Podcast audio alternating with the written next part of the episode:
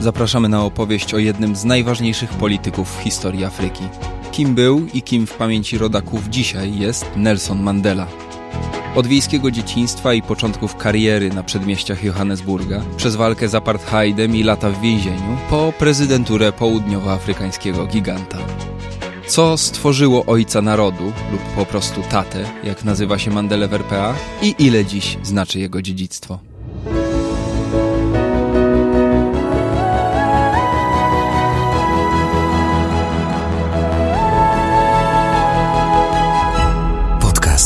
Podcast Tygodnika Powszechnego. Weź, słuchaj. Dzień dobry, przy mikrofonach Krzysztof Story i Wojciech Jagielski. Ten i inne odcinki podcastu Tygodnika Powszechnego powstają dzięki Waszej społeczności i Waszemu wsparciu, które okazujecie nam choćby w serwisie Patronite. Jeśli ktoś chciałby dołączyć do grona wspierających ten podcast, zapraszam na patronite.pl ukośnik Fundacja Tygodnika Powszechnego. A teraz już przenosimy się do południowej Afryki, a konkretnie do Mwezo. Małej wioski, w której w 1918 roku przyszedł na świat człowiek, który miał zostać nie tylko politykiem, ale symbolem. Nie każdy polityk aż na takie szczyty kariery dochodzi, nawet jeśli dzierży dużą władzę, a Mandela faktycznie takim symbolem stał się i jest do dzisiaj. Afryka, południowa Afryka przed wojną przed II wojną światową, a po pierwszej, państwo, które wybija się właśnie na niepodległość spod brytyjskiego panowania. Jaki to był kraj, w którym dorastał Mandela? E, rzeczywiście był to kraj wybijający się mm, na niezależność, a z drugiej strony grabiący się po dwóch straszliwych wojnach, które stoczyli zaborcy południowej Afryki, biali, e, między sobą tą wojnę toczyli. E, mianowicie Burowie, czyli pierwsi biali osadnicy, którzy tam przybyli uciekając z Europy przed biedą, przed prześladowaniami religijnymi. E, a po nich przybyli Brytyjczycy, którzy podbili cały prawie świat i między sobą najpierw e, stoczyli może nie krwawą bitwę, ale taką zimną wojnę o Kapsztad, tą, ten początek południowej Afryki. Burowie pokonani przez Anglików e, wycofali się w głąb lądu, stworzyli swoje własne republiki Transwalu i Oranii. I pewnie e, może by przetrwali jako właściciele niepodległych republik burskich, gdyby nie to, że e, szczęście albo pech chciał, że właśnie tam znaleziono najbogatsze chyba wówczas, albo jedne z najbogatszych na świecie złóż e, złota, diamentów. No Brytyjczycy nie mogli tego odpuścić i powędrowali za burami stoczyli dwie wojny. E, po raz pierwszy tam właśnie jakby zrodziły się obozy koncentracyjne jako oręż e, w konwencjonalnej wojnie. Anglicy wygrali tą wojnę ale wygrali ją w taki dziwny sposób, e, jak to później w południowej Afryce się często zdarzało, że pokonali Burów, ale to Burowie przejęli w tym Związku Południowoafrykańskim, który ze swoich i cudzych posiadłości stworzyli Brytyjczycy, to Burowie właśnie, którzy nie byli wcale większością w wyborach, zmobilizowani i zmotywowani, to oni wygrali e, wybory i przejęli władzę. Ta partia, która pierwsza przejęła władzę, nie opowiadała się za niepodległością, ale raczej za jakąś taką koegzystencją. koegzystencją z tymi Brytyjczykami, że jak już się nie da ich pobić, no to jakoś trzeba z nimi w zgodzie żyć, możliwie jak najwięcej wyszarpując z tego, z tego Londynu. I Południowa Afryka była jedną z cenniejszych i takich najbardziej prestiżowych posiadłości brytyjskiego imperium.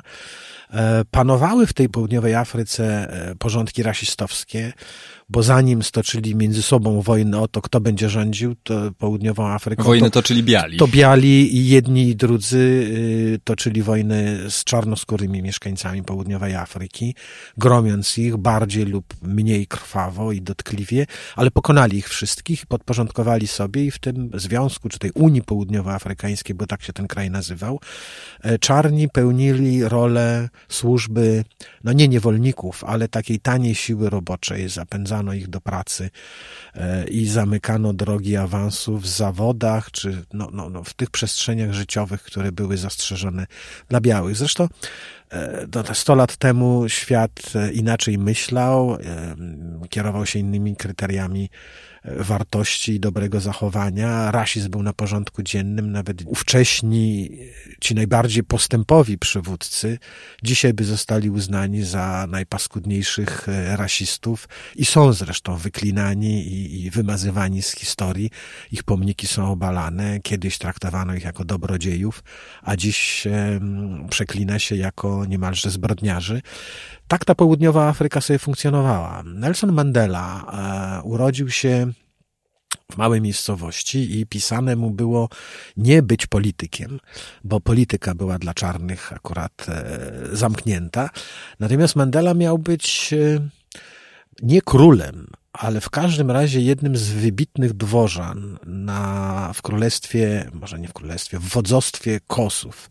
To jest lud południowoafrykański, drugi pod względem liczebności najludniejsi to są, najliczniejsi są Zulusi, ale Kosowie są zaraz, zaraz po nich. E, I Kosowie z Zulusami też toczyli swoje graniczne wojny, bili się z Afrykanerami, Burami, przegrali z Anglikami. Tak tylko uściślimy, bo Afrykanerzy to jest taki termin, którym się często posługujemy. Burowie, Afrykanerzy tak, burowie, wymienne. właśnie jakoś tak to, to się to przyjęło, że tymi Burami nazywano Afrykanerów kiedyś, a później sami Afrykanerzy czy Burowie uznali, że Bur, czyli chłop, wieśniak, no to nie fajnie brzmi, uznali, że... Przy, Coś zmienią, bardziej dostojnego Tak jest, wybrać. na Afrykanerów się przechrzcili, a swój język na Afrikaans, także dlatego, że oni nieprzypadkowo wybrali tą nazwę, dlatego, że Burowie, czy Afrykanerzy do dziś kiedyś z dumą, dzisiaj może mniejszą i z mniejszym uporem, ale powtarzają o sobie, że są jedynym rdzennym białym ludem Afryki. E, oni rzeczywiście przybyli na tyle wcześnie, że e, spierają się nawet z Zulusami, z Kosami, że ta część południowej Afryki, ta część Afryki, południa Afryki była ziemią niczyją że tak samo Zulusi podbijali cudze ziemie, jak oni biali. No jednakowoż trudno jednak no tutaj polemizować. No Zulusi są Afrykanami. Oni nie zmieniali kontynentu, a ci biali przypłynęli z Rotterdamu w Paryży. I, tak, bo to są potomkowie Francuzów, Niemców, Holendrów. Zbieraniny całej europejskiej, która, która uciekła z Europy nie dlatego, że wartości europejskie nie odpowiadały, tylko w tej Europie życia nie mieli. Po prostu uciekli, żeby przetrwać. E, to był czas wojen religijnych e, w Europie i, i oni wyjechali. Te zresztą nazwiska południowoafrykańskie, afrykanerskie, można śledzić korzenie, to, to, to, to one się bardzo powtarzają i, i większość z nich jest związanych właśnie z Holandią, z Francją. Jedno takie nazwisko jeszcze przywołamy, mówię to o Frederiku de Klerku, ostatnim y, prezydencie białym RPA. Natomiast y, wróćmy do Mandeli. Mandela, Mandela dorastał jako ten przyszły szambelan, kanclerz y, na dworze króla Kosów i ta rola mu zdecydowanie nie odpowiadała. E, tata go posłał na studia, więc prawdopodobnie to te studia otworzyły mu świat i marzenia życiowe tak bardzo, że, że zapragnął czegoś więcej niż być wioskowym wodzem a tym miał być. Z, tym, z tą rolą życiową brały się inne, bo zostając we wsi, tata go natychmiast chciał wyswatać, no bo wódz bez żony nie może być. Mandela albo do żeniaczki się nie spieszył, albo może ta wybranka nie za bardzo mu odpowiadała. On po prostu uciekł z wioski do Johannesburga. Tak jak uciekali przed nim, a zwłaszcza po nim, młodzi Afrykanie z takich małych miejscowości, z wiosek do wielkich miast. Zresztą nie tylko Afrykanie. Młodzi uciekają do wielkich wielkich miast do dziś, e, szukając w tych wielkich miastach e, e, szans na spełnienie swoich dużo większych marzeń niż to wyobrażali sobie ich rodzice. I Mandela uciekł do Johannesburga. A wcześniej zresztą ta ambicja jakaś taka do przeskakiwania pewnych barier była w nim od dawna widoczna. Studia prawnicze jako jedyny czarnoskóry wtedy na uczelni y, kończył. I mimo, że wiedział, że jako prawnik y, no nie będzie mógł prowadzić słynnych spraw, no w telewizji nie miał, więc nie mógł znać tych rozpraw z seriali amerykańskich, ale była mu pisana rola czarnego adwokata, czy prawnika, czyli bardziej może pisarza, albo kogoś, kto będzie reprezentował pokrzywdzonego albo oskarżonego w sądzie, tłumacząc tylko jego mowę na angielski na przykład, czy na Afrikaans.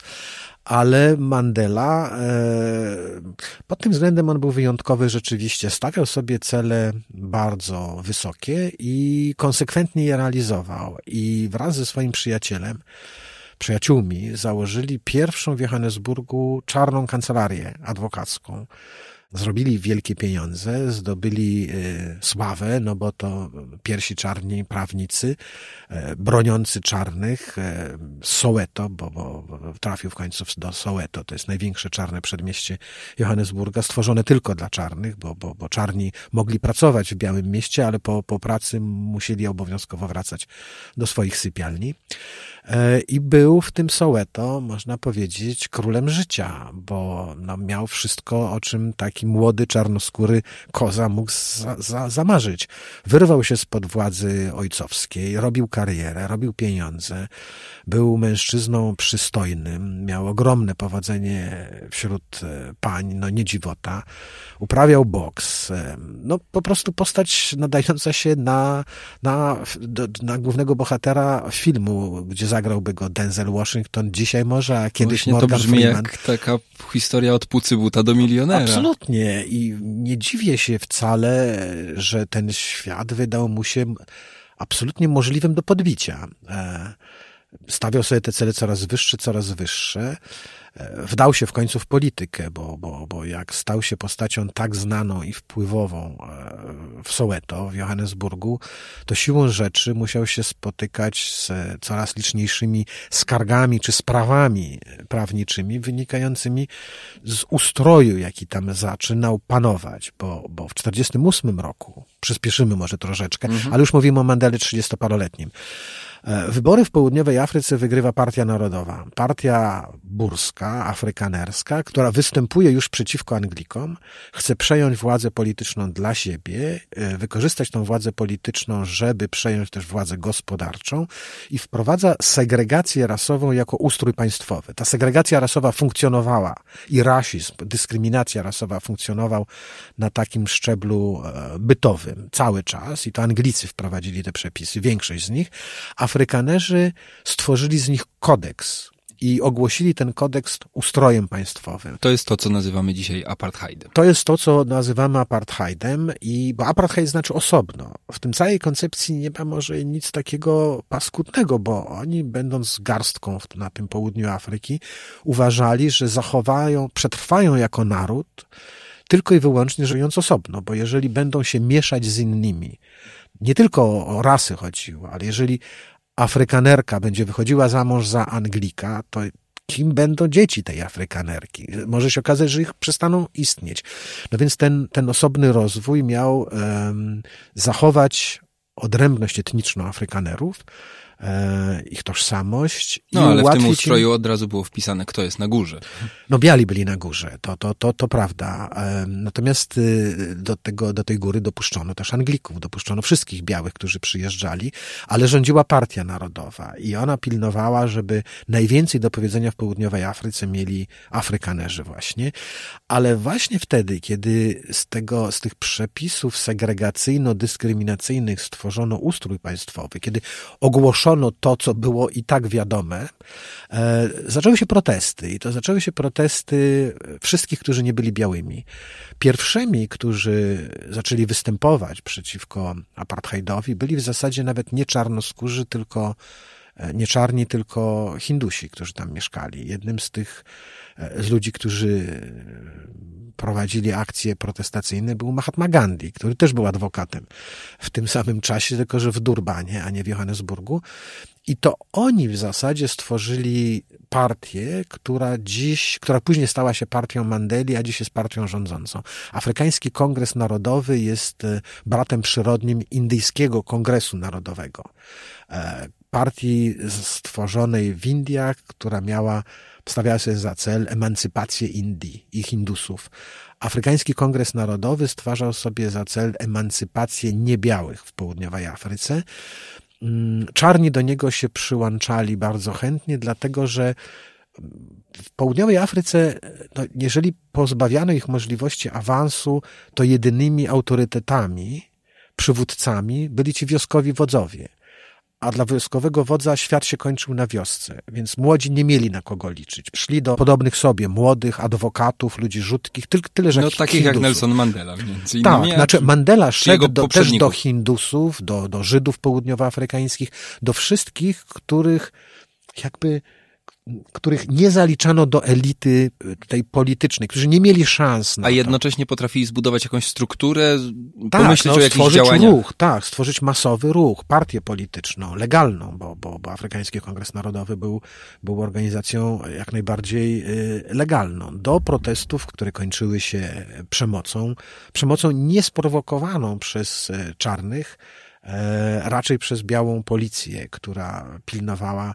żeby temu ustrojowi nie stała się żadna krzywda. Znów przewiniemy parę lat do przodu, rok 60. A ja właśnie bym się jeszcze zatrzymał.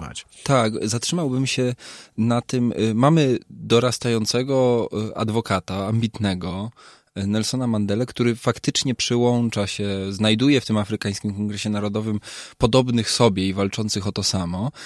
Y, Tkwi w ustroju, w którym nawet nie można praw, prawnie walczyć z rasizmem, bo, rasizm jest prawem, więc nie, nie da się go na sali sądowej podważyć. I on tam robi dość szybko bardzo dużą karierę. To znaczy, on jest uznawany za. Szybko ludzie zaczynają jego słuchać, a nie on słucha innych. Garnęli się do Mandeli jest dwóch jakby powodów, bo Mandela łączył w sobie e, tą młodzieńczą postępowość, tą otwartość y, na świat i głód tego świata, a z drugiej strony miał w sobie też taką wyniesioną z domu wioskowego wodza godność. E, Czasami się mówi, że zdarzają się tacy ludzie, którzy wchodzą do jakiegoś pomieszczenia, w którym jest karmider, gwar i raptem jak oni wchodzą, to cichną rozmowy i ludzie wstają.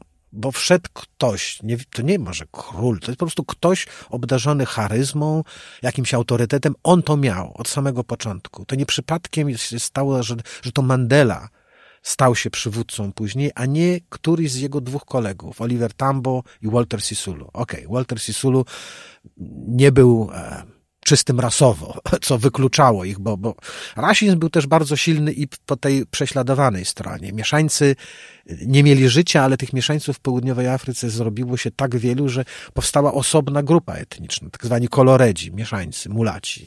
To nie wiem, każde określenie jest obraźliwe i czego by Właściwie się nie nie wiadomo, użyło. jak nie wiadomo, jak jak nie mówić. Oni mówią o sobie koloredzi i, i tak się ich nazywa w południowej Afryce, ale także nie Oliver Tambo, człowiek tak samo wykształcony, który przeszedł podobną drogę jak Mandela, to Mandela, nie pełniąc funkcji prezesa, prezydenta, przewodniczącego, sołtysa, do niego ludzie szli w sposób naturalny, jego uważali za przywódcę. Powiem ci, że jak się ogląda zdjęcia młodego Mandeli, postawny chłop, trenujący boks, widać, i, to Przerastający było o głowę wszystkich. i to było widać, że on ten boks trenuje. ubrany. On lubił życie, bo z tego, jak pisząc książkę, w którym Mandela jest jednym z bohaterów, Trębacza Stębisy, rozmawiałem z wieloma osobami, którzy znali go w młodości, albo może nie osobiście go znali, ale słyszeli od swoich rodziców, czy wujków, ciotek, jaki to był przeszłości.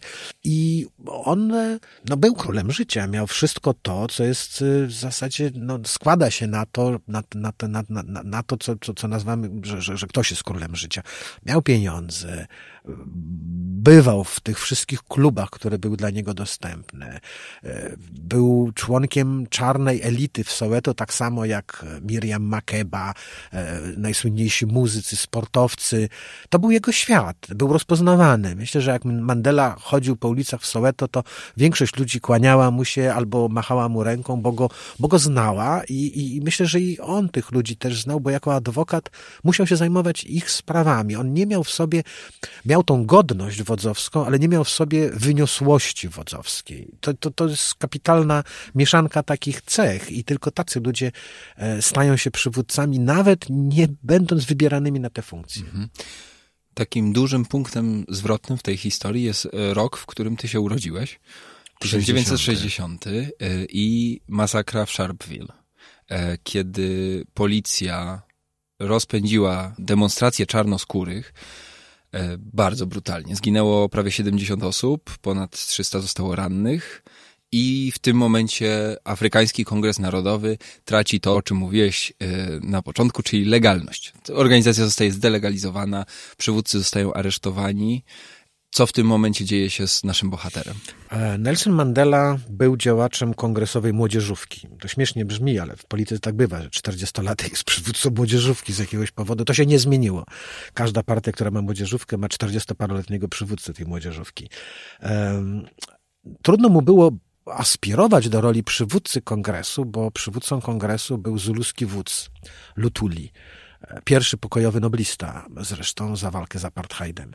W 60 roku e, czarni protestowali przeciwko obowiązku przepustek, bez których nie wolno im było przemieszczać się po kraju. W tej przepustce było nie tylko imię, nazwisko, e, rasa, przynależność etniczna, ale musiało być obowiązkowo świadectwo pracy. Jeżeli ktoś nie miał podstemplowanej przepustki przez swojego pracodawcę, nie miał prawa przebywać w Białym Mieście. Żeby podróżować, musiał mieć zgodę na wyjazd i, i, i gdzieś tam powrót. Przeciwko tym przepustkom czarni protestowali. Afrykański Kongres Narodowy próbował e, zastosować taktykę, jaką Mahatma e, stosował w Indiach. Biernego, biernego oporu.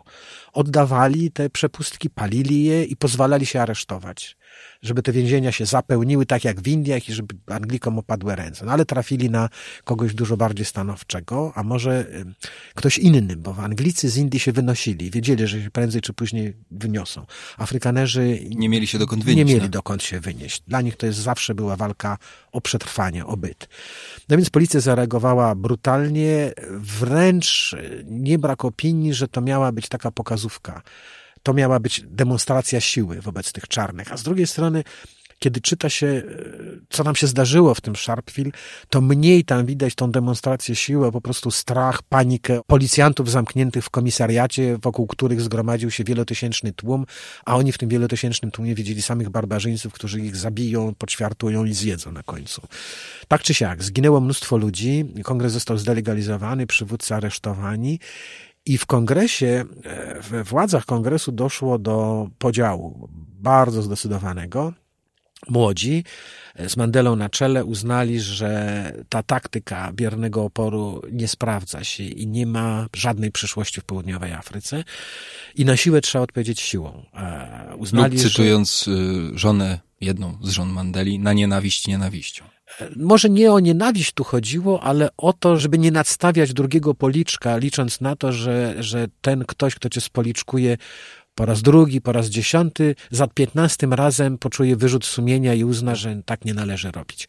Mandela wiedział, że to się nie stanie i chyba rozumiał, że e, jedynym sposobem, żeby zmusić białych do, nawet nie to, że do ustępstw, do jakikolwiek dialogu, jest uświadomić im, że to, co biali stosują wobec czarnych, może być zastosowane także wobec nich że przemoc, śmierć może dotknąć także ich.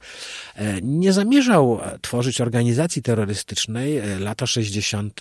Pamiętajmy, że rok 60. to jest też ta, ten rok wolności Afryki.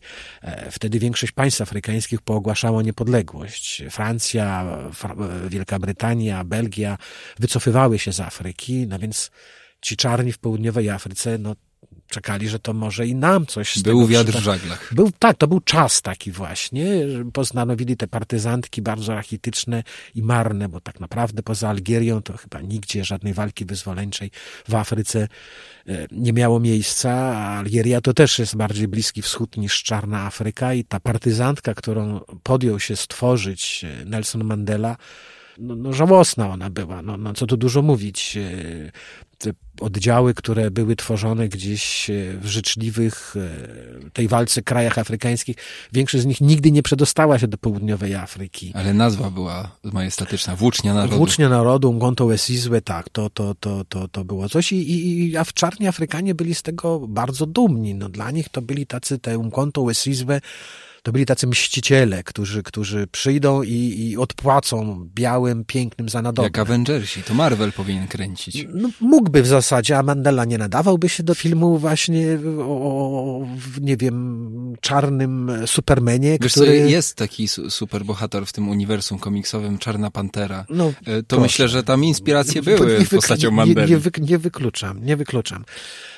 W każdym razie ta partyzantka Kongresu Narodowego miała plan rozpoczęcia walki partyzanckiej w południowej Afryce i przymuszenia białych do jakiejś tam ugody, do jakiejś negocjacji.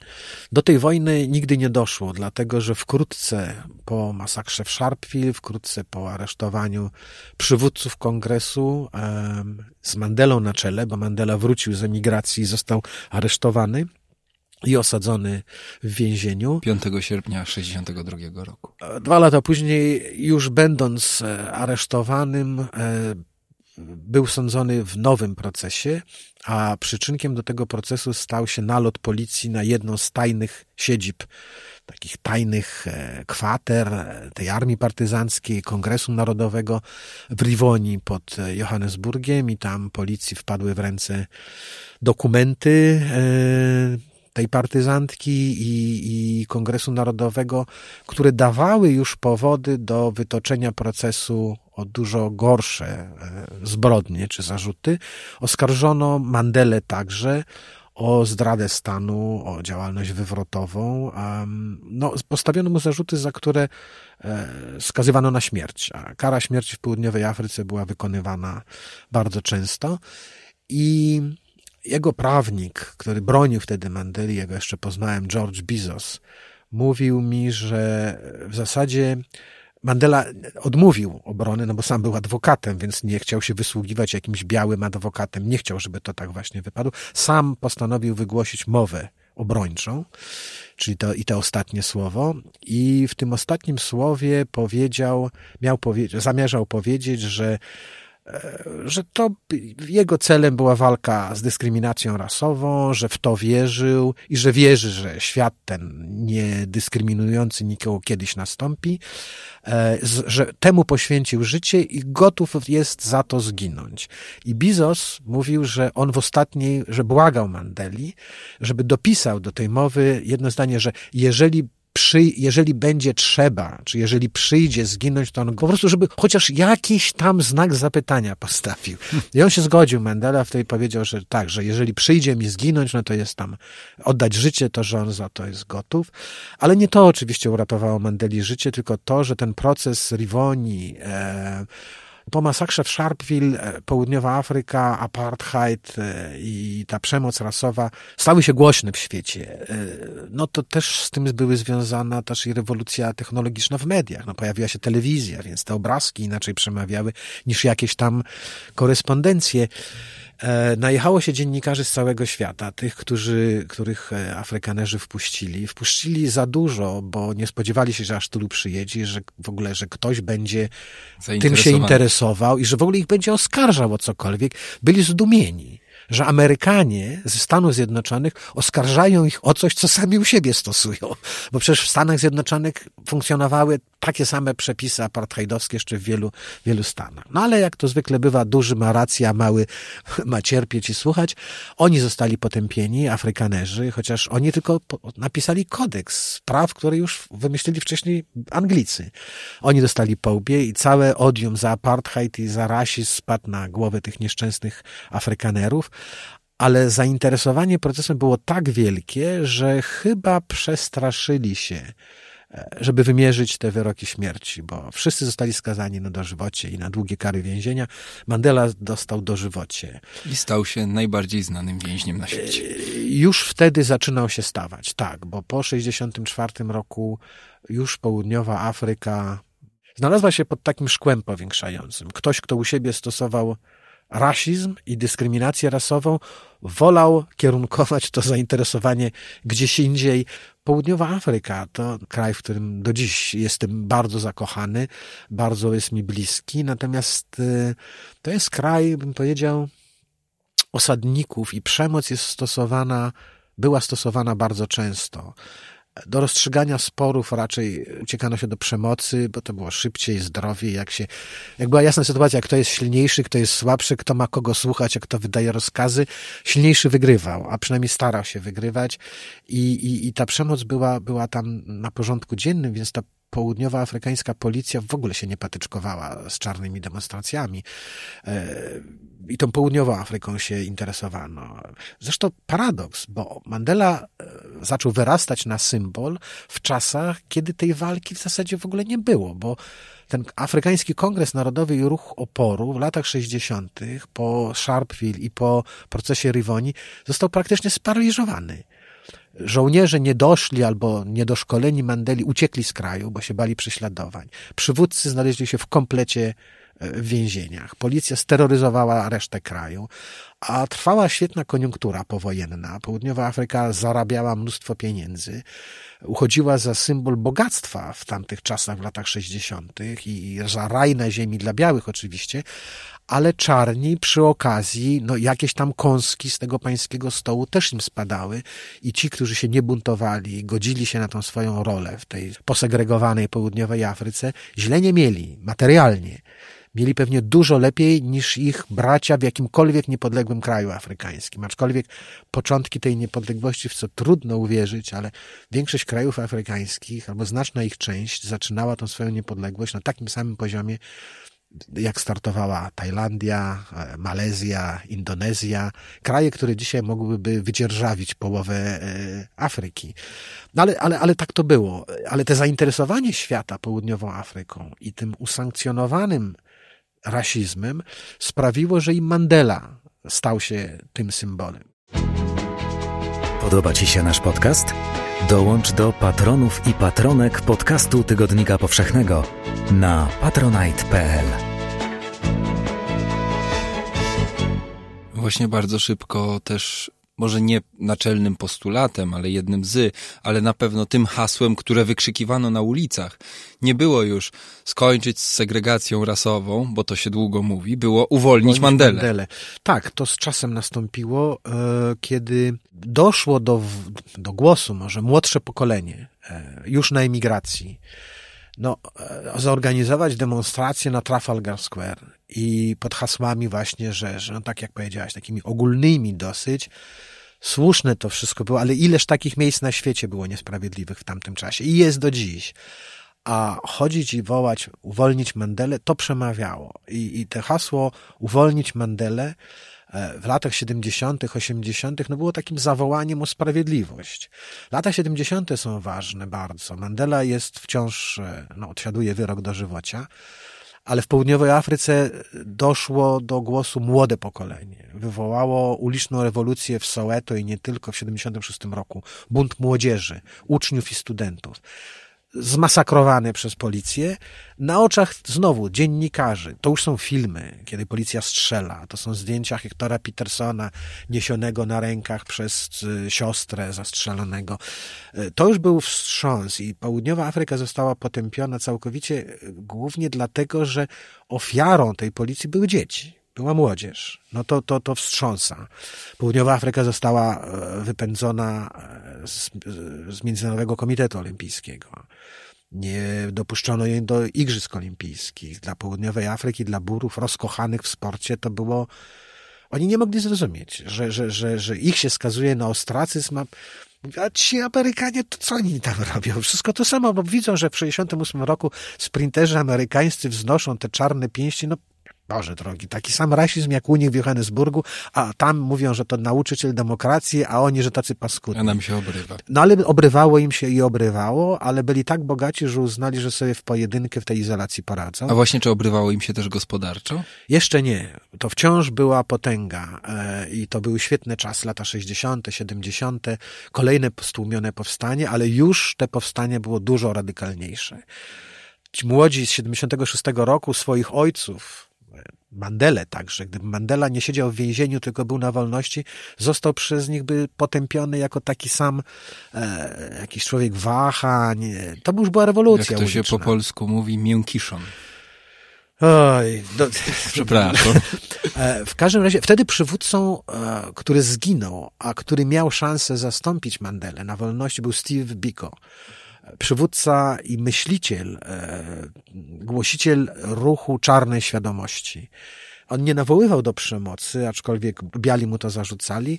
On mówił, że czarni, o tym śpiewał Bob Marley w tym samym czasie, muszą się uwolnić z tej niewolniczej mentalności, że jeżeli czarni będą liczyć na to, że uwolni ich biały czy Hindus, to nigdy nie przestaną być niewolnikami. To miał być ten ruch czarnej świadomości. Zresztą te ruchy trwały i w Stanach Zjednoczonych i na Karaibach.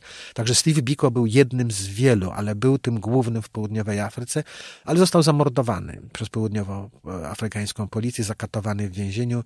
Jeżeli się nie mylę, w dzień moich nie, tak, chyba w dzień moich urodzin.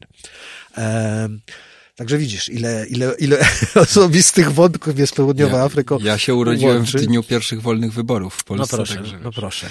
E, Steve'a Biko nie było. Był wciąż Mandela, który w więzieniu e, nie dał żadnego powodu, żeby w niego zwątpić nie szedł na żadne układy, aczkolwiek białe władze, widząc co się dzieje w Soweto, w Katlehongu, w Tokozie, w Aleksandrze, namawiały go od samego początku w zasadzie, że powiedz słowo, wyjdziesz na wolność, wrócisz do swojej wioski, będziesz wodzem, będziesz miał żonę, dzieci, dobre życie. E, może inni by się skusili, ale Mandela był niezłomny tutaj i konsekwentnie odmawiał, odrzucał każdą i coraz, coraz e, takie jakby to powiedzieć, hojniejsze propozycje, e, czuł się chyba też silniejszy, bo im się dostaje lepsze propozycje, tym człowiek myśli, że po co będę przyjmował czternastą, poczekam na dwudziestą siódmą, w końcu wygram. E, to też mi opowiadano o nim, że może to była po prostu walka o przetrwanie, o to, żeby w ogóle żyć. Bo jeżeli otrzymuje się wyrok dożywocia i się wie, że już się stamtąd nie wyjdzie z tej wyspy skazańców, bo to była wyspa. E, wyspa Robben. Robben, tak, pod Kapsztadem. E, no to w zasadzie po co żyć w tym? A Mandela sobie wymyślił w zasadzie. Myślę, że to działał taki instynkt samozachowawczy, ja to tak tłumaczę. Mandela był dla mnie takim obiektem, który pozwalał zrozumieć, że jak nie przegrać, jak porażki najgorsze przekuć na może nie na zwycięstwo, ale na walkę o to zwycięstwo, że mecz wciąż trwa, nie skończył się. I on tą samą walkę, którą zaczął w Soweto jako prawnik, a później w Johannesburgu jako działacz e, Kongresu Narodowego, kontynuował w więzieniu. E, jakby nie poddając się myśli, że, że tu właśnie spędzi resztę życia i już się nic więcej nie zdarzy. Jedyne zmiany to będą nowi więźniowie, którzy będą przysyłani na miejsce tych, którzy wcześniej są zwalniani. Ale Mandela nigdzie nie pójdzie, bo ma dożywocie. I on tam tą walkę toczył o drobne rzeczy. O takie, że na przykład czarni więźniowie nosili szorty. A Mandela uznał, że to nie licuje jego godności wodzowskiej, że on musi mieć długie spodnie. Wywalczył to. Ci, którzy mu pozwolili... On im dłużej siedział w tym więzieniu, tym większym symbolem się stawał. No tak, tu krzyczy świat uwolnić Mandelę, a Mandela wymusza na tych swoich strażnikach więziennych i prześladowcach kolejne ustępstwa. A to portki, a to sznurowadła. Tam ci pewnie machali ręką, a, a, a noś sobie te długie spodnie, jak ci tak... Tylko jakby nie rozumieli, że, że u Mandeli to właśnie to jest taktyka tych właśnie tych, tej kropli, która drąży skałę. On z jakiegoś powodu uwierzył, że w, jeżeli wygra w więzieniu, no to wygra też w całym kraju. No później się okazało, że tak, bo to wszystko, co się zdarzyło w południowej Afryce, działo się już jakby bez udziału Mandeli. Sankcje międzynarodowe, ostracy z południowej Afryki, uliczne e, rebelie, które wybuchały co kilka lat. E, wreszcie przekradli się ci partyzanci Afrykańskiego Kongresu Narodowego do południowej Afryki. Walczyć nie potrafili, byli za słabi, ale to zaczęli podkładać bomby. Dla południowej Afryki białej, dla białych, no to był wstrząs. E, oni planowali podkładać bomby pod obiekty strategiczne, pod bazy wojskowe. Tylko byli za słabi, żeby do tych baz przeniknąć, czy choćby, żeby pokonać tych strażników, tych stróżów nocnych. To kładli, gdzie popadło. No to ginęli cywile. Afrykański Kongres Narodowy został okrzyknięty organizacją terrorystyczną. E, pytałeś o ostracyzm. No, za, za, o terroryzm e, oskarżyli Afrykański Kongres Narodowy i samego Nelsona Mandela, tacy przywódcy jak Margaret Thatcher i Ronald Reagan. Oni królowali w latach osiemdziesiątych i to oni ustanawiali polityczne mody. To był czas e, konserwatyzmu, więc Południowa Afryka nie miała powodu aż tak bardzo, żeby się bać, ale, ale ta przemoc i te głosy o, o, domagające się uwolnienia Mandeli, zresztą Mandela się starzał i jeżeli trzymasz w więzieniu kogoś, kto na całym świecie uchodzi za sumienie tego świata, za kogoś najbardziej pokrzywdzonego ze wszystkich. I myślisz, że jak on już ma 60 lat, a nikt nie jest wieczny, jeżeli on umrze w tym więzieniu, no to po prostu nigdy nie będzie końca. Zostaniesz w tej izolacji potępiony, wrógbiści nigdzie z nikim nie zagrają, nigdy nie przyjedzie żaden porządny tenisista do południowej Afryki.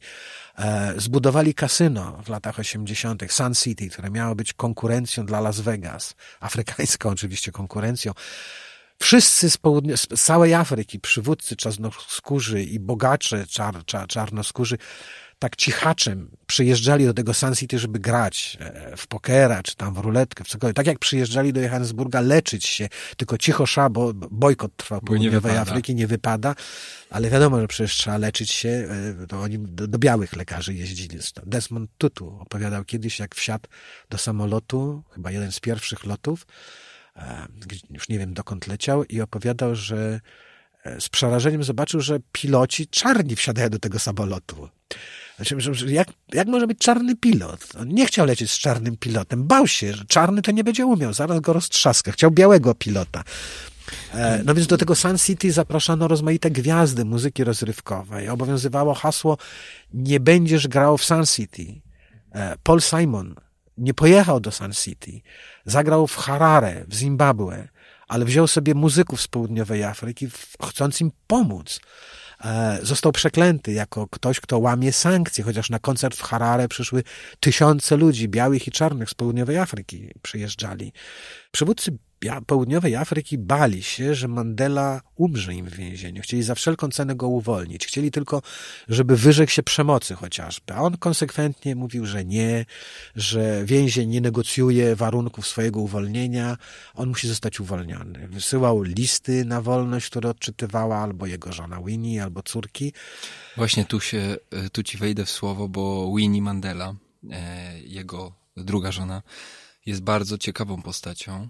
To jest e, również nie tylko małżonka Nelsona Mandeli, ona sama była bardzo ważną postacią dla ruchu całego walki z apartheidem. Była, myślę, postacią dużo bardziej dramatyczną nawet niż Nelson Mandela. Tragiczną, z całą pewnością. E, ona mm, ma podobny życiorys, bo oni obydwoje uciekli z małych wiosek na przedmieścia, na to też Soweto. wodzowskiej rodziny. Y, też uciekając przed zaaranżowanym małżeństwem. Poznali się, to była bardzo burzliwa miłość. Jest ta, ta słynna scena, kiedy w 84 roku jest to ich widzenie w więzieniu. Mandela jeszcze osadzony w więzieniu i po 22 latach spędzonych w tej celi zobaczył się z tą żoną i, i, i mogli się przytulić. Dotknąć się właśnie, bo to oni widywali się, ale poczuł y, ciało swojej żony po 22 latach i nie ma tu żadnego seksualnego podtekstu, po prostu mógł uścisnąć jej dłoń, mhm. chociażby, przytulić w ramionach. A właśnie Winnie była też przekazicielką słów y, bardzo często Mandeli. Tych... E, przekazywała słowa, których chyba sama e, nie do końca rozumiała, albo z którymi się absolutnie nie zgadzała. Tragizm Winnie Mandeli polegał też na tym, że e, ona poniosła klęskę, podczas gdy Mandela wyszedł z tego wszystkiego jako symbol zwycięstwa wszelkiego. Heros w sumie. Tak, tak, tak, no nad człowiek niemalże. E, Winnie wyszła za mąż za Nelsona jako młoda dziewczyna. E, była pielęgniarką, opiekunką społeczną. On był 20 lat starszy. Był 20 lat starszy i Mandela o ile swojej pierwszej żonie zarzucał, że kompletnie nie rozumie, o co mu chodzi w tej działalności publicznej, o tyle do Winnie miał pretensje, że ona aż za bardzo się wczuwa. On nie chciał, żeby Winnie się przyłączała do tej walki wyzwoleńczej, do tego ruchu oporu. Wolał, żeby Winnie siedziała w domu, niańczyła dzieci, a bardzo szybko e, spłodził dwie córki i, i to Winnie miała się nimi zajmować, a Nelson pozwolił się e, szlachetnie aresztować, a później osadzić w więzieniu. I Winnie miała pewnie dwadzieścia parę lat, już nie pamiętam, ale była młodą dziewczyną z dwójką dzieci, i miała zostać na wolności do końca swoich dni, bo mąż miał nie wyjść już na wolność, a w dodatku była żywą wdową, bo męża już miała nie mieć, ale nie wolno jej było tego męża opuścić, bo mąż stał się symbolem. E, robiła za tubę mężowską, e, mąż przesyłał jej listę, ona je odczytywała i była jeszcze prześladowana na, na, na wolności. Mandela walczył o długie spodnie, sznurowadła i jakieś przywileje więzienne, a Winnie Mandela była prześladowana przez tajną policję, inwigilowana, prowokowana, skazywana na banicję i nie była na to gotowa i pewnie nie miała w sobie tej królewskiej godności Mandeli, bo bardzo szybko popadła w nienawiść. Winnie nienawidziła. To nie, to nie była pociągnięcie taktyczne, że nie nastawiajmy drugiego policzka, tylko Winnie uderzona natychmiast chciała odpowiadać. Tak, ten cytat, który przywołała nienawiścią za nienawiść, to tak, no to była szczera nienawiść. I ona się tą nienawiścią kierowała później, znaczy ta nienawiść ją niszczyła przez resztę życia. Nie poradziła sobie w tym życiu na wolności, to, to prawda. E, ona była matką chrzestną tych takich e, bojówek, które dokonywały, nawet to nie były sądy kapturowe, po prostu ludzi wskazanych jako kolaborantów, łapali na ulicach policjantów, radnych, kogokolwiek, kogo wskazano, e, wbijali mu na ramiona oponę samochodową i palili żywcem. To naszyjniki płonące, śmierci. Płonące naszyjniki, e, o tym mówiono. E, I Winnie, no jakby nie tylko no, nie potępiała, ona no, uważała, że tak należy walczyć, tak się walczy z kolaborantami. okazała się nieodporną na kulturę kancelaryjną i na pieniądze, bo świat e, nie tylko domagał się uwolnienia Nelsona Mandeli, ale hojnie łożył na walkę z apartheidem. Te pieniądze trafiały także do Winnie. I Winnie je traktowała nie jako kasę organizacji, kasę partyjną, tylko swoją własną, prywatną. A odkryła w sobie, że lubi luksus, albo co ma ich sobie odmawiać. Straciła męża, została wbita w taką rolę. Zjeżdżali do niej dziennikarze z całego świata, wypytywali się, co sądzi o tym, o tamtym, o. Pewnie nie miała na większość spraw w ogóle zdania, nie wiedziała, jak to zrobić, e, a musiała. Musiała w tej roli wypadać godnie. No to był stres popadła w alkoholizm. Potem zdarzały się zdrady małżeńskie. O tym wszystkim donoszono Mandeli, ale on nie dawał wiary. E, no i to, to, to wszystko skończyło się. Stała się Winnie takim, o ile Mandela z każdym rokiem od siatki e, przeistaczał się w takiego anioła ruchu wyzwoleńczego, to Winnie była czarnym aniołem. Była tą mroczną stroną tej samej postaci przywódcy. E, no, myślę, że wiele osób, które brały udział w tego rodzaju walce wyzwoleńczej, e, no można to przeczytać w wielu, w wielu wspomnieniach, że Czasami łatwiejsze jest życie w więzieniu na rozkaz i według takich reguł, niż na wolności, gdzie musisz podejmować nieskończoną liczbę wyborów, z których żaden nie może być fałszywy a ona była na to skazana. I... Nie wiem, czy łatwiejsze, ale prostsze. Prostsze, no nie łatwiejsze, tak, tak, tak, prostsze, prostsze, oczywiście. Tu, tu wiadomo, co wolno, co nie jest regulamin, a na wolności tego regulaminu nie było, albo on się cały czas zmienia. Oczywiście, że prostsze, nie łatwiejsze, broń Panie Boże. Winnie temu nie podołała i kiedy w końcu Mandela wyszedł na wolność, co miało być e, kolejnym odcinkiem marvelowskiego filmu, tym razem odcinek pod tytułem Love Story.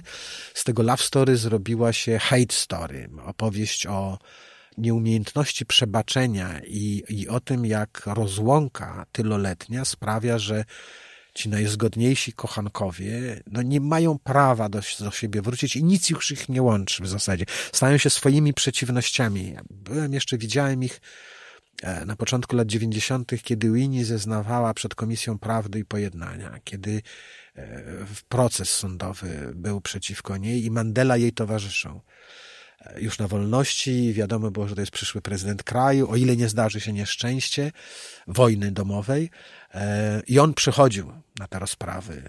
Widać było po nim, że, że czuje się upokorzony, E, no, no, no, no roz, taki, no nie wiem, rozerwany, bo z jednej strony no, słyszy, o co jest Winnie oskarżana, a czuje w sobie obowiązek bronić jej, być po jej stronie, ale, ale do, rysy się pojawiają coraz większe, bo to są kolejne zeznania. To nie jest biały szpicel, który zeznaje przeciwko Winnie, tylko sąsiedzi, którzy opowiadają, na co ta Winnie pozwalała tym swoim bojówkom na ulicach. I to małżeństwo się rozpadło bardzo szybko. E, taką prozą życia jest, że to mi mówiły kobiety w południowej Afryce wiele razy, że Mandela, który wybaczył swoim prześladowcom, którzy okradli go z jego z prawie 30 lat życia, nie był w stanie przebaczyć swojej żonie, czyli osobie, którą najbardziej kochał i która na te przebaczenie może najbardziej zasłużyła, a nie mógł jej przebaczyć nie poglądów politycznych czy błędów politycznych, ale małżeńskiej zdrady. I to małżeństwo się rozpadło w sposób brzydki. E, to była wojna nie tylko osobista, ale też publiczna, bo Winnie, nie występując z kongresu, zresztą uważała, że kongres to jest jej partia. Jeżeli ktoś ma występować, to Mandela, a nie ona Mandela.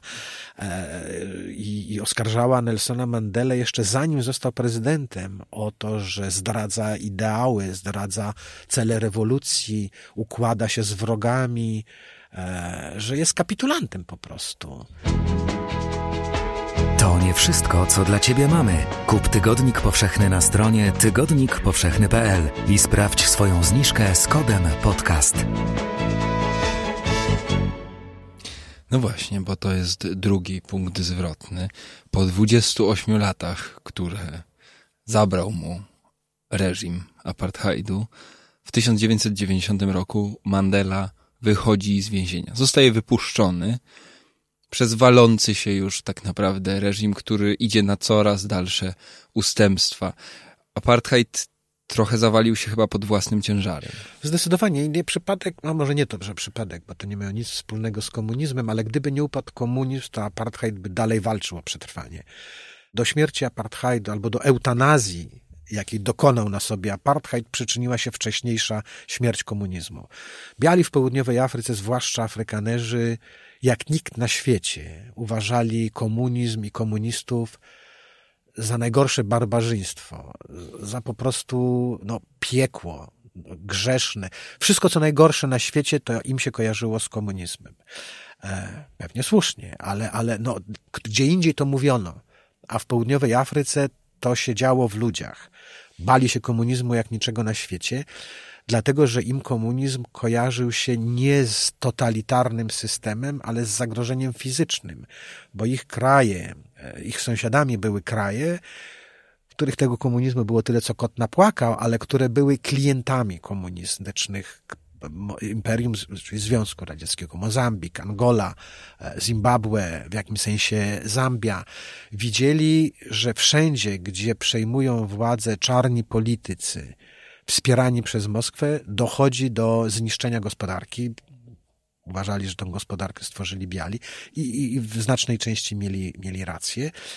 Ale dochodzi też do pogromów, do gwałtów. Oni tego się spodziewali, że jak przejmą władzę czarni, wspierani przez Moskwę, to przyjdzie barbarzyństwo, komunizm, gwałty, ludobójstwo po prostu. A komunizm zdech.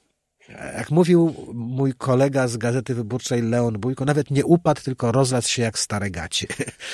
E, I to przywódców w południowej Afryce, tych białych, e, dla nich to była szansa na ocalenie, bo mieli do wyboru albo walczyć do ostatniej kropli krwi. I przegrać. I przegrać, bo byli w mniejszości, no więc prędzej czy później by polegli albo próbować się układać. Układać się z komunistami, no nie widzieli najmniejszego sensu, ale potem się okazało, że wśród tych komunistów są ludzie, którzy mówią ludzkim językiem. E, tak się zdarzyło, tym takim próbą jakby pierwszego kontaktu były negocjacje kończące wojnę domową w Angolii i w Namibii. Namibia to była prowincja okupowana przez Południową Afrykę. Trwała wojna wyzwoleńcza i Południowa Afryka i Stany Zjednoczone popierały jedną część, Związek Radziecki i Kuba drugą część. E, upadek komunizmu sprawił, że Rosjanie i Kubańczycy też chcieli gadać i spotkali się, żeby porozmawiać, jak będzie wyglądała przyszła Angola i Namibia. Usiedli przy stole i zobaczyli, że jedzą tak samo widelcami, tak samo im smakuje zmrożona stoliczna jak dobre whisky. Jest o czym pogadać, że ci Ruscy, co przyjechali z Kremla, mówią po angielsku dosyć dobrze, tam przyjeżdżali dyplomaci zawodowi, a nie polityczni nominanci z biura politycznego. Zresztą myślę, że Szewardnadze nawet e, nie mówiąc po angielsku zrobiłby świetne wrażenie na Afrykanerach. E, to był przełom te negocjacje namibijskie i tam dobito targu porozumiano się w jakiejś sprawie.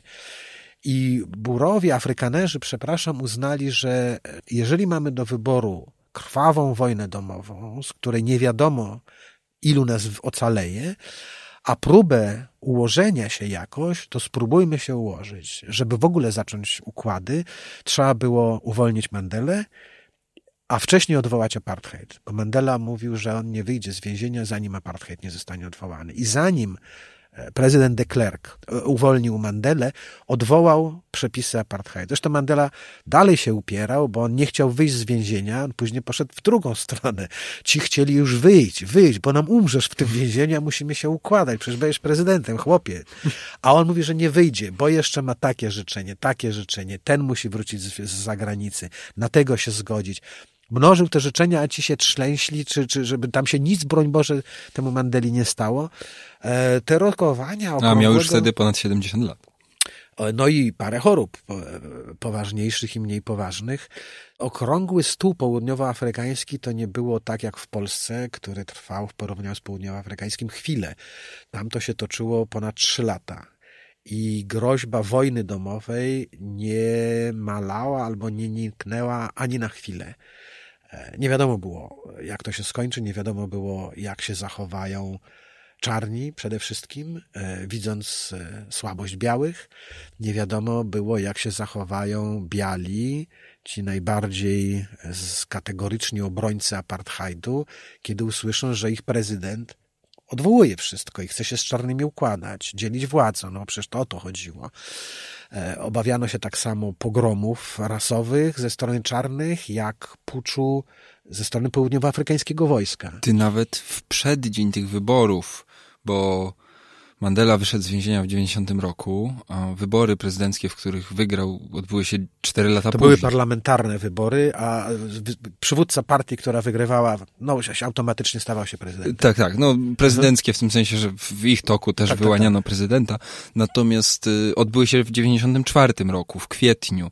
Y, ja, ty przyjeżdżając w przeddzień tych wyborów, kilka tygodni przed tymi wyborami do Johannesburga jako dziennikarz, jeszcze nie wiedziałeś, czy one dojdą do skutku. No, raczej jechaliśmy na wojnę. E, spodziewaliśmy się, że te wybory mogą zostać e, odwołane albo zerwane, bo jeszcze na początku 1994 roku południowa Afryka dzieliła się jakby na dwa obozy. Jeden to był ten obóz od okrągłego stołu. To był Afrykański Kongres Narodowy Mandeli i biali e, z prezydentem de Klerkiem ta część białych, która uważała, że trzeba się z czarnymi jakoś ułożyć. Ale był też drugi obóz, składający się taki front odmowy. On ze sobą nic wspólnego nie miał, ale przeciwko układom byli radykałowie czarni.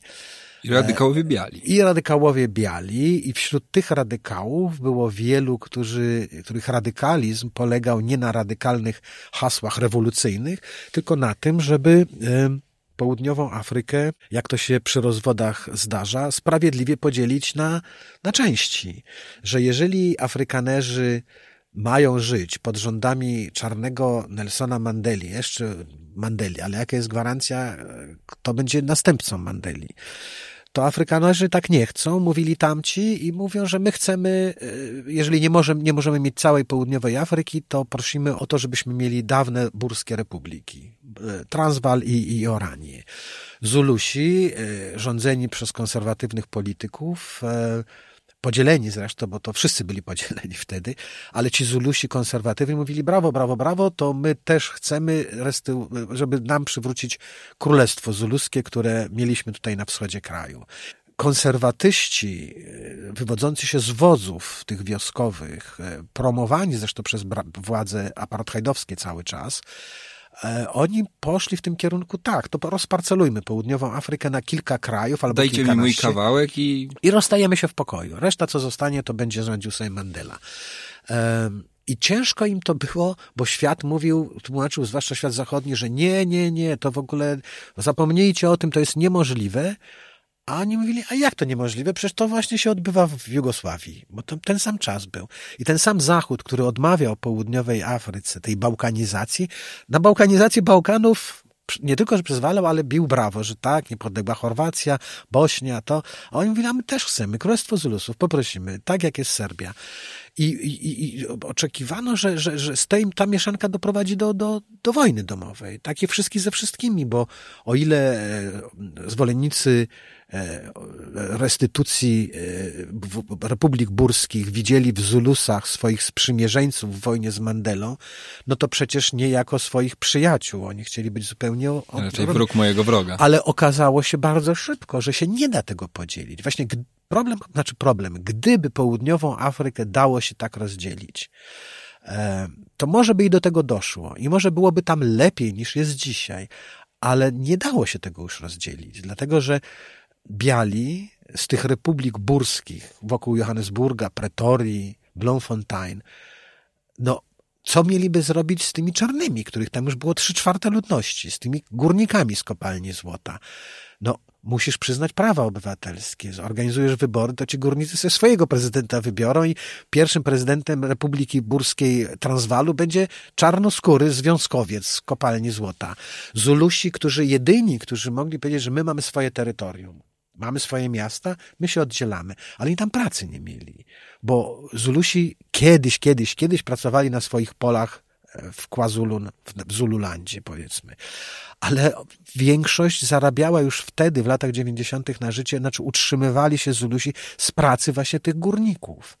Więc tego się nie dało rozparcelować. E, taką próbą szalenie ambitną, ciekawą i, i jeżeli kiedyś mi się nadarzy okazja, z całą pewnością tam pojadę, na pustyni Karu e, tacy pryncypialni, powiedział, ewangeliczni zwolennicy apartheidu, ale tego niewykoślawianego, którzy mówili, że apartheid to jest segregacja, a nie dyskryminacja, kupili ja wiem, co to było, jakieś opuszczone miasteczko górnicze, czy cokolwiek, jakieś tam chałupy, baraki. I oni nam się sprowadzili. Tam nawet była wdowa po premierze Ferwerdzie, jednym z twórców apartheidu i, i, ona tam też osiadła. I oni chcieli od władz południowoafrykańskich, żeby to była ich prywatna własność, prywatne białe miasto. Byłem tam w tej Oranii parę razy i rzeczywiście tam się nie spotykało czarnych. Ale nie dlatego, że tam był wstęp zbroniony dla czarnych, tylko czarni tam nie mieli czego szukać. Tam nie było pracy dla czarnych. Bo przepisy wewnętrzne w tym państwie, w mieście Orania stanowiły, że jeżeli potrzebujesz ogrodnika, bo się nie znasz na ogrodnictwie, to masz zatrudnić sąsiada, ale nie sprowadzać go z czarnej wsi. Mieszkają Afrykanerzy, czy kto tam chce, ale sami wykonują to wszystko. Czyli izolowane państwo miasto. No tak miałby być tak, taki właśnie apartheid, czyli żyjesz odrębnie, osobno, ale wszystkie prace sam na siebie pracujesz. Nie wysługujesz się niańkami, ogrodnikami, stróżami nocnymi sam to wszystko robisz. No tak się da zrobić na skalę miasta, ale nie na skalę wielkiej ale nie na nie wielkiego kraju. Oczywiście w pierwszą podróż zagraniczną pojechali do Izraela, żeby nauczyć się, jak e, tworzyć gaje oliwne na pustyni, jak nawadniać to wszystko, jak tworzyć kibuce, bo to było to taka wspólnota troszkę kibucowska była. Ale przetrwali e, i, i chyba dalej funkcjonują, oczywiście stanowiąc część administracyjną jakiejś większej całości, ale komisja wyborcza, jak się odbywają wybory, to tam jest lokalna i, i wybierają swoich tylko radnych. Ale takiego, takiego, takiego kraju się nie dało zorganizować. Na skalę kraju udało się, udało się bez wojny. Byłeś tam. Jak pamiętasz te wybory? No wybory to już był, to było, to było święto, dlatego że e, jeszcze niedługo przed wyborami wciąż się strzelano i to w taki sposób wredny, bo biała, biała policja, e, bezpieka, obawiała się najbardziej na świecie, żeby sprowokować wojnę biało-czarną. Bo w tej wojnie by ginęły białe kobiety, białe dzieci i wysługiwała się w tej wojnie Zulusami. Prowokowała konflikty między zwolennikami Mandeli, też wywodzącymi się wśród Zulusów. To Zulusi między sobą walczyli i oni ginęli. E, Johannesburg otoczony czarnymi przedmieściami jeszcze w marcu, w marcu, nawet na początku kwietnia 94 roku, czyli w ten miesiąc wyborczy, to była arena ulicznej wojny. Z karabinami, z kałasznikowami, z zabitymi. Trup się słał gęsto, a między przywódcami nie było żadnego dialogu. Zresztą e, Mandela dostał do spółki z Deklerkiem w 93 roku pokojowego Nobla. I Mandela, e, tak jak właśnie był tym wybaczającym i takim, e, do nikogo nie miał takiej pretensji i, i, do nikogo tak wrogo się nie odnosi, jak właśnie do Deklerka, bo z jednej strony Deklerk to był ten ktoś, kto go uwolnił z więzienia i miał z nim rozmawiać, a z drugiej strony prowadził tą taką brudną wojnę. Dzieli rządź. Tak, no, znaczy on nawet nie chciał dzielić, on chciał osłabić Mandelę, chciał podzielić czarnych, bo jeżeli mają występować biali których przywódcą ma być de Klerk, czyli chciał być przywódcą tych białych, którzy nie chcieli wojny, czyli trzech czwartych albo i większej e, części białego społeczeństwa, no to żeby pomniejszyć swoich rywali już, ale nie wrogów, to należało ich podzielić, czyli podzielić czarnych na Zulusów konserwatywnych i tych I całą resztę, Mandeli. które, i obóz Mandeli. Im więcej jest przeciwników Mandeli, tym mniejszy jest Mandela. Bardzo podobał mi się ten cytat. y, To był chyba korespondent którejś z amerykańskich gazet, który powiedział, że przy okazji tej pokojowej Nagrody Nobla, że ustawianie deklerka przy Mandeli to tak jakby obok jakiejś rzeźby Mi Michała Anioła w tej roli Mandela ustawić ogrodowego krasnala. No tak, to niesprawiedliwe było- dla Deklerka, ale, ale rzeczywiście, no, rozmawiając i z jednym i z drugim, a miałem taką okazję, rozmawiając, to za dużo powiedziane, z Deklerkiem rozmawiałem, z Mandelą wymieniłem parę zdań, ale będąc obok niego, no czuło się, e, no inny kaliber człowieka. Zresztą Deklerkiem, e, Pogardzali sami Afrykanerzy. Oni za takiego swojego prawdziwego przywódcę to uważali Petera W. Botę, poprzednika de Klerka, który tylko on zaczął rozmawiać z Mandelą. Oni sobie przypadli do gustu, bo Mandela był z jednej strony uważany był za przywódcę rewolucyjnego, niemalże członka partii komunistycznej, a z drugiej strony był takim angielskim lordem, takim konserwatystą, po prostu do gruntu, do szpiku kości i z drugiej strony miał tego Botę, Afrykanera, tak samo konserwatywnego, tak samo nieufnego. I oni sobie idealnie do siebie spasowali. Oni się spotykali sekretnie. E, To są cudowne opisy tych spotkań, jak Mandele przyprowadzono w zamówionym na miarę garniturze, który był trochę za duży i Mandela przyszedł na pierwsze spotkanie z Botą w rozwiązanych sznurowadłach, bo o ile pozwolono mu mieć sznurowadła w butach, to nie pozwalano ich wiązać.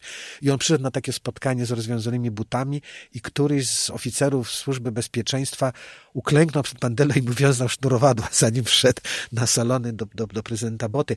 To do Deklerka, między Mandelą i Deklerkiem nie było żadnej mięty, żadnego zrozumienia. Mandela pogardzał Deklerkiem tak samo jak Bota pogardzał Deklerkiem. Bota doznał wylewu i w tym czasie ci reformatorzy, ci bardziej postępowi uznali, że jak jest chory król, to można go łatwo zastąpić nowym i wybrali Deklerka na następcę e, Boty, a tak naprawdę to Bota był e, ojcem chrzestnym i najgorszym przeciwnikiem tego pojednania, czy pogodzenia się e, z Mandelą. Tak czy siak, e, to było tak wóz albo przewóz, jeszcze w połowie kwietnia. Pamiętam, że ja leciałem do południowej Afryki czy już byłem w południowej Afryce, kiedy nad Kigali spadł samolot zestrzelony z dwoma prezydentami. Tak, bo tam się zaczęło I tam się zaczęła ludobójcza zbrodnia. I myśmy, ci najbogatsi, najbogatsze redakcje oczywiście wysłały dziennikarzy i w jedno i w drugie miejsce. Biedne w ogóle sobie nie zawracały głowy, a takie średnie, Gazeta Wyborcza do takich się miała szczęście zaliczać, zostawiono nam jakby kwestię wolnego wyboru. Y, Zacytuję ci twój tekst.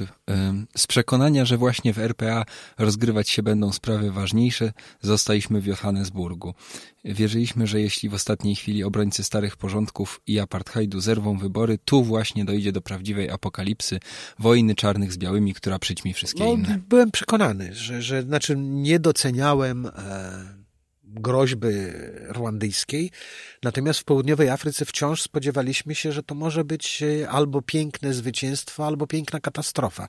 Zakończyło się pięknym zwycięstwem, dlatego że kiedy sprawy zaszły tak strasznie daleko, że wydawały się, że nie ma wyjścia z tego ślepego zaułka, ni stąd, ni zowąd przywódcy Mandela, wódz Butelezi, mój ulubiony polityk zuluski w tym roku umarł, prawie 100 lat dożył. Mandela też prawie 100 lat dożył.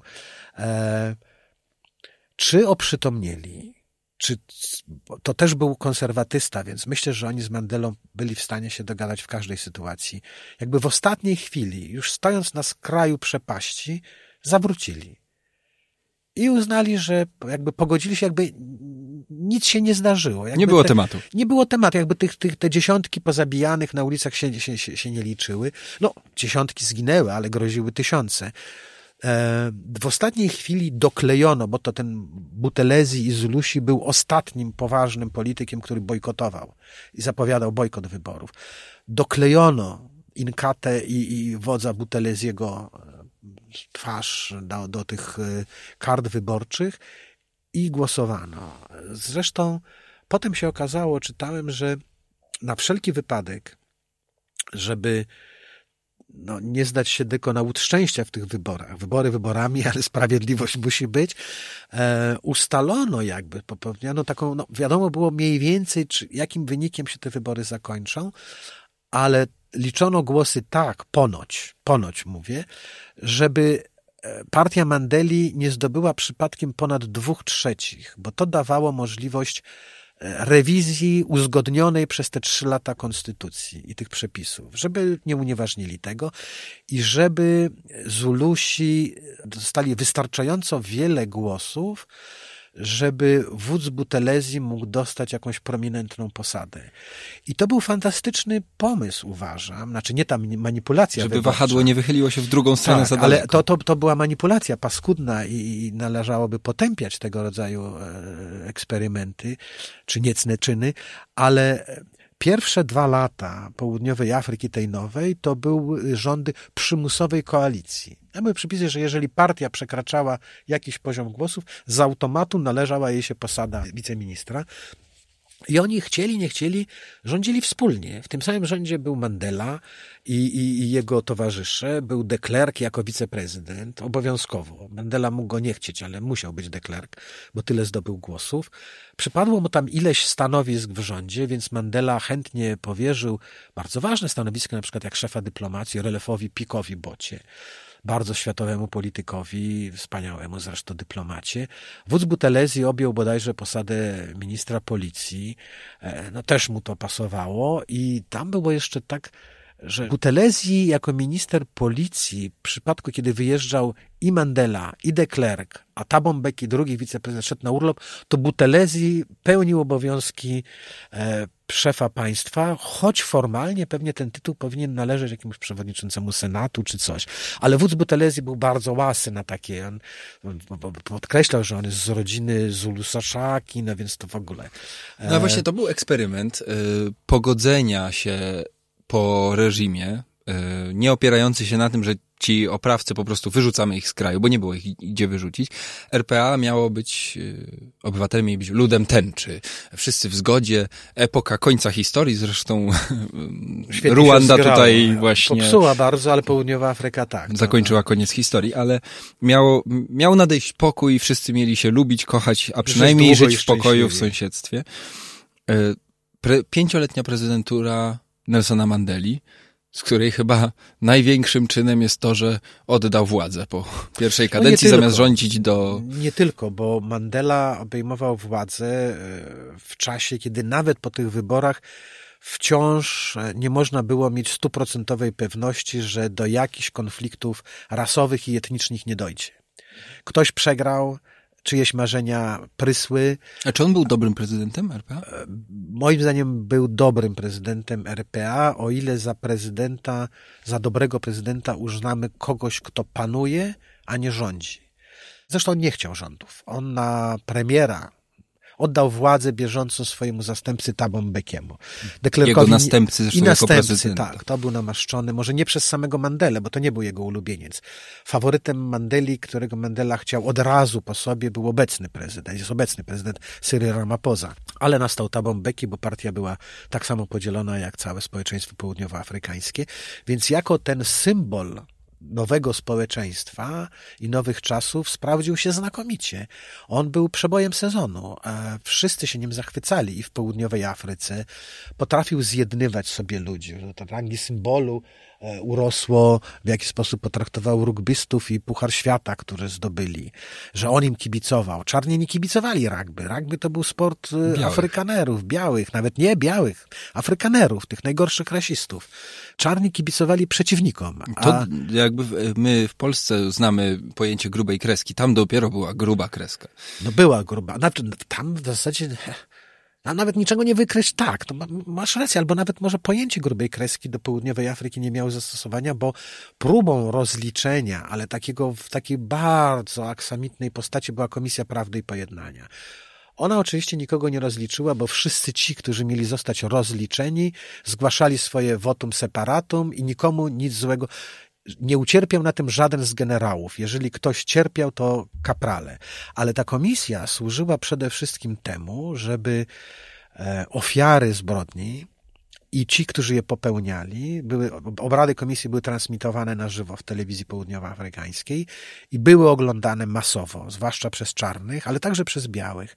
Dla wielu białych, którzy nie mieli kontaktu w ogóle z tą czarną stroną swojego życia, czarną w sensie służby, bo oni widzieli, że czarni piorą im gacie i sprzątają chodniki, ale nigdy nie byli w tych osiedlach, gdzie ci czarni mieszkali. Dla takich białych Afrykanerów, którzy wiedli sobie takie szczęśliwe, dostatnie życie. Zobaczyli, jaką cenę inni płacą za to zobaczyli, że te państwo w ogóle to nie były tylko baseny, złote zegarki i piękna pogoda i wspaniałe rezydencje, tylko że to była przemoc, że te państwo stało na przemocy, że, że policja, którą opłacali, której ufali jako takim dobrym wujkom, co przeprowadzają staruszki przez ulicę, dokonywało pogromów, zabijało tych, tych, tych, tych czarnych i, to, i tą młodzież. Więc te opowieści, no były wstrząsające dla, dla, dla wielu i mm, można krytykować Komisję Prawdy jako zbyt e, idealistyczny, naiwny niemalże eksperyment, że to nie było żadne rozliczenie, ale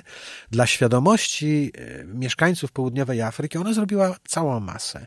Jak oficer tajnej policji opowiadał matce zamordowanego działacza, jak go zabił, to może nie było naj, naj, najłagodniejsze, ale on wskazywał miejsce, gdzie on jest pochowany więc ta matka mogła wreszcie pochować swojego syna na cmentarzu i dowiedzieć się, co się z nim stało takiego.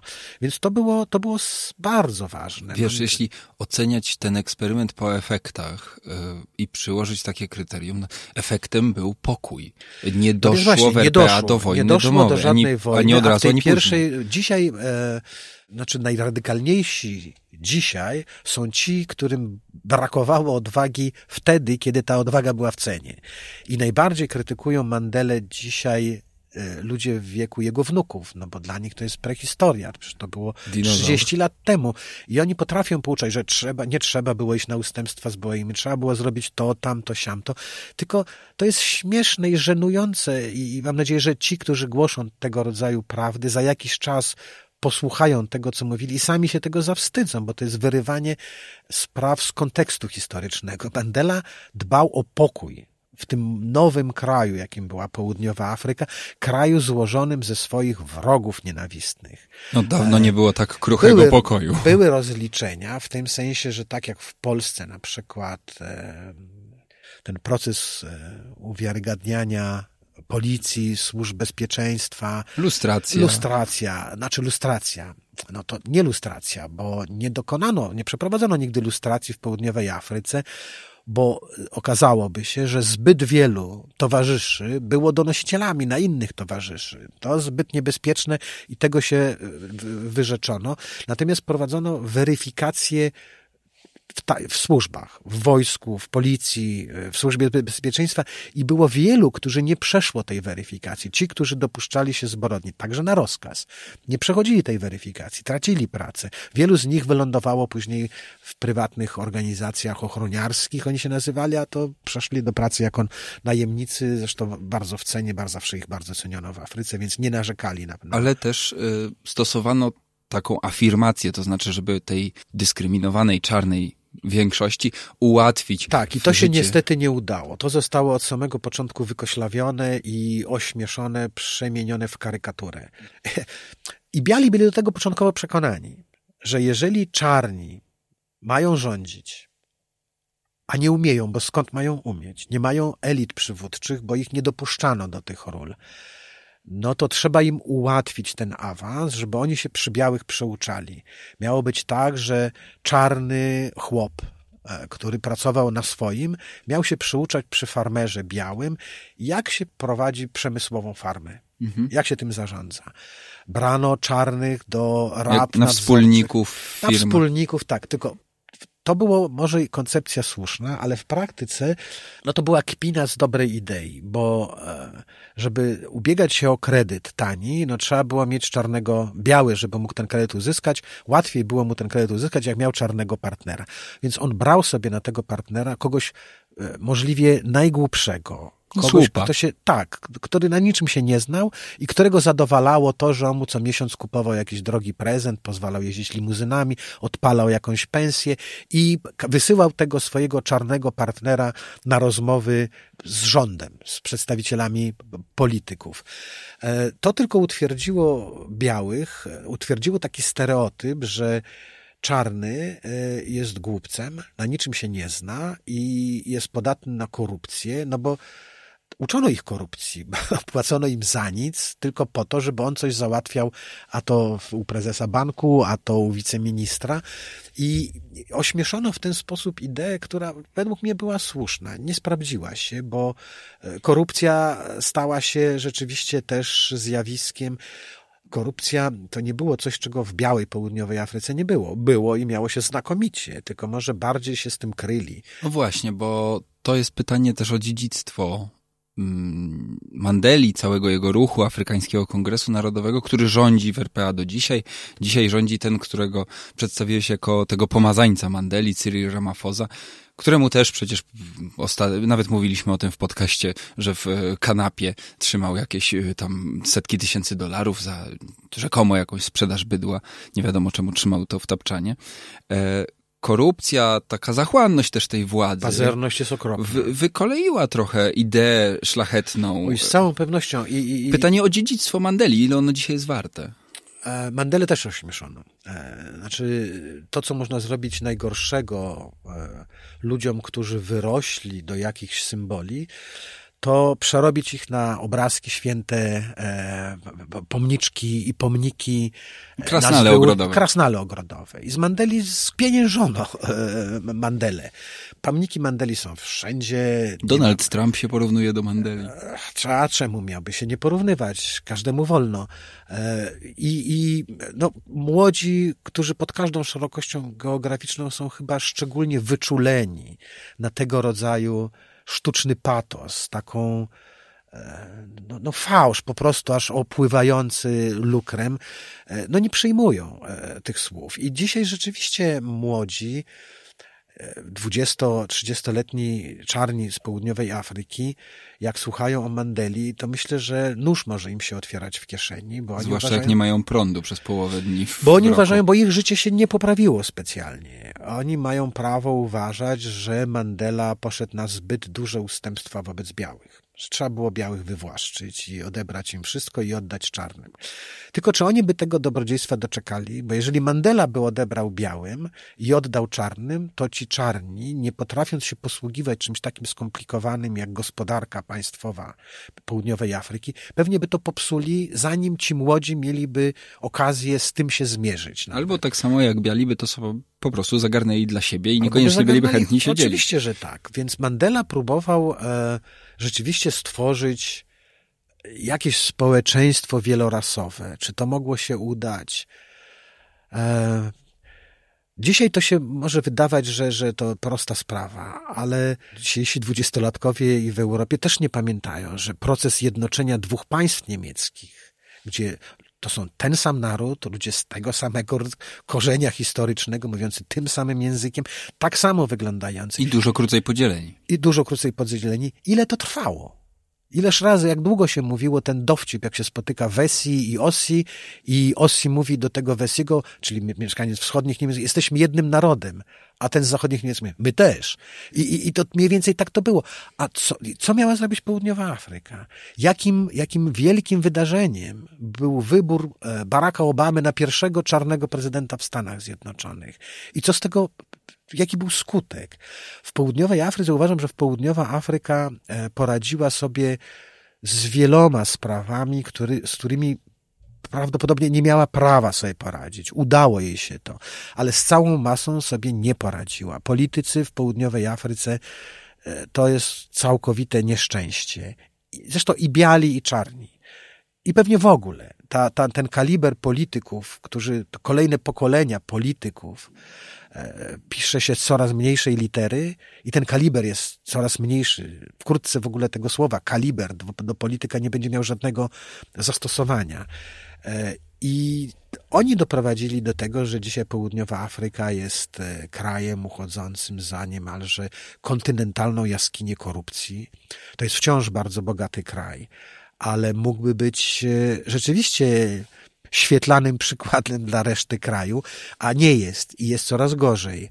E, może się okazać, i być może tego należałoby życzyć południowej Afryce, żeby w przyszłym roku, kiedy będą mieli nowe wybory, żeby partia Mandeli przegrała je z Kretesem. Zanosi się na to, natomiast być może jeszcze nie teraz, bo Afrykański Kongres Narodowy w mistrzowski sposób wmawia wszystkim w południowej Afryce, albo inaczej nie wmawia, bo to jest zasługa prawdziwa, tylko zasługa sprzed iluś lat, że to dzięki walce takich ludzi jak Mandela, Walter Sisulu, Oliver Tambo, Chris Hani, południowa Afryka może być wolna i czarni mogą w ogóle głosować.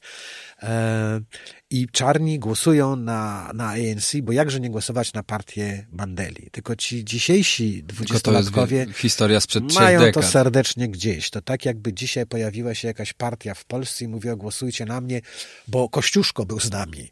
No super, to mój ulubiony przywódca historyczny, ale czy ja przez to będę głosował na partię, która się powołuje na dziedzictwo polityczne Tadeusza Kościuszki i to trochę będzie to samo z ANC, ale jeszcze w tych wyborach prawdopodobnie zdobędą wystarczająco wiele głosów, żeby wygrać. W sensie, że będą mieli najwięcej głosów, ale ta liczba głosów nie wystarczy, żeby samodzielnie sprawować władzę.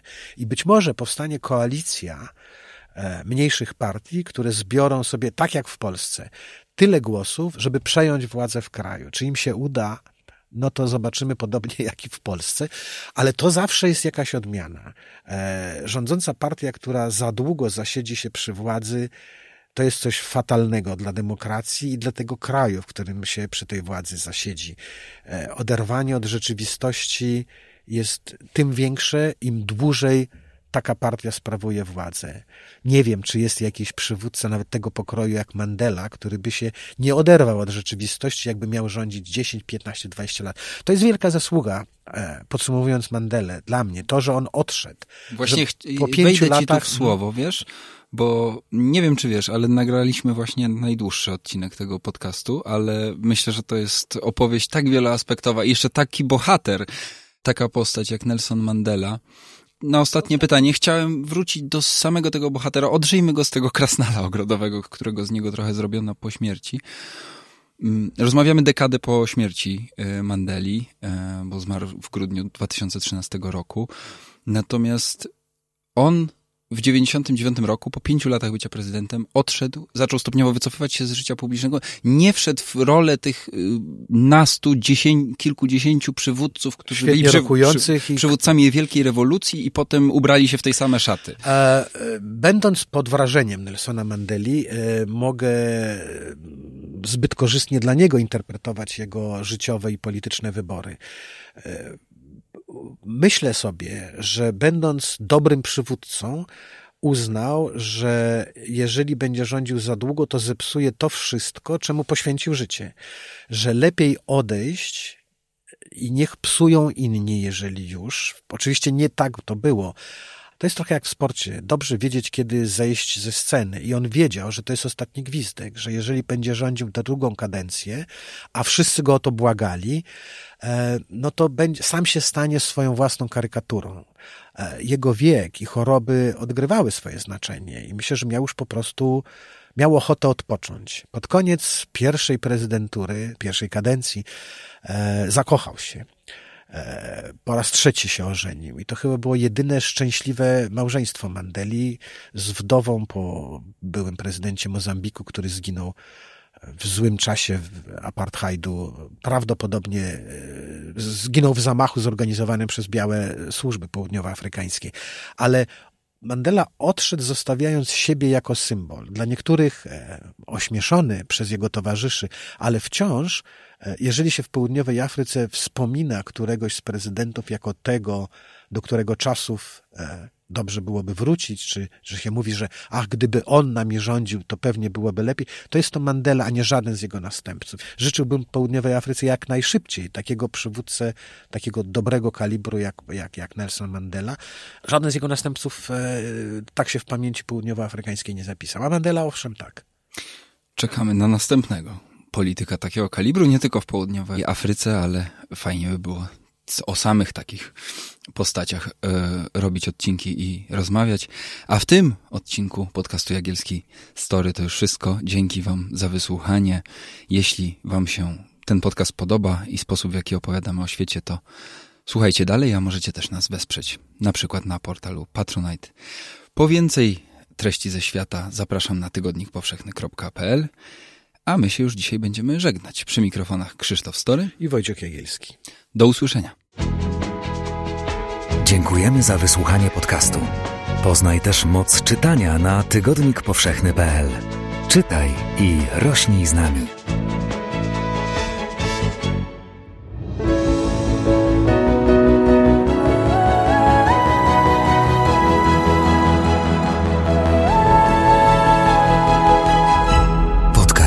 Tygodnika Powszechnego. Weź, słuchaj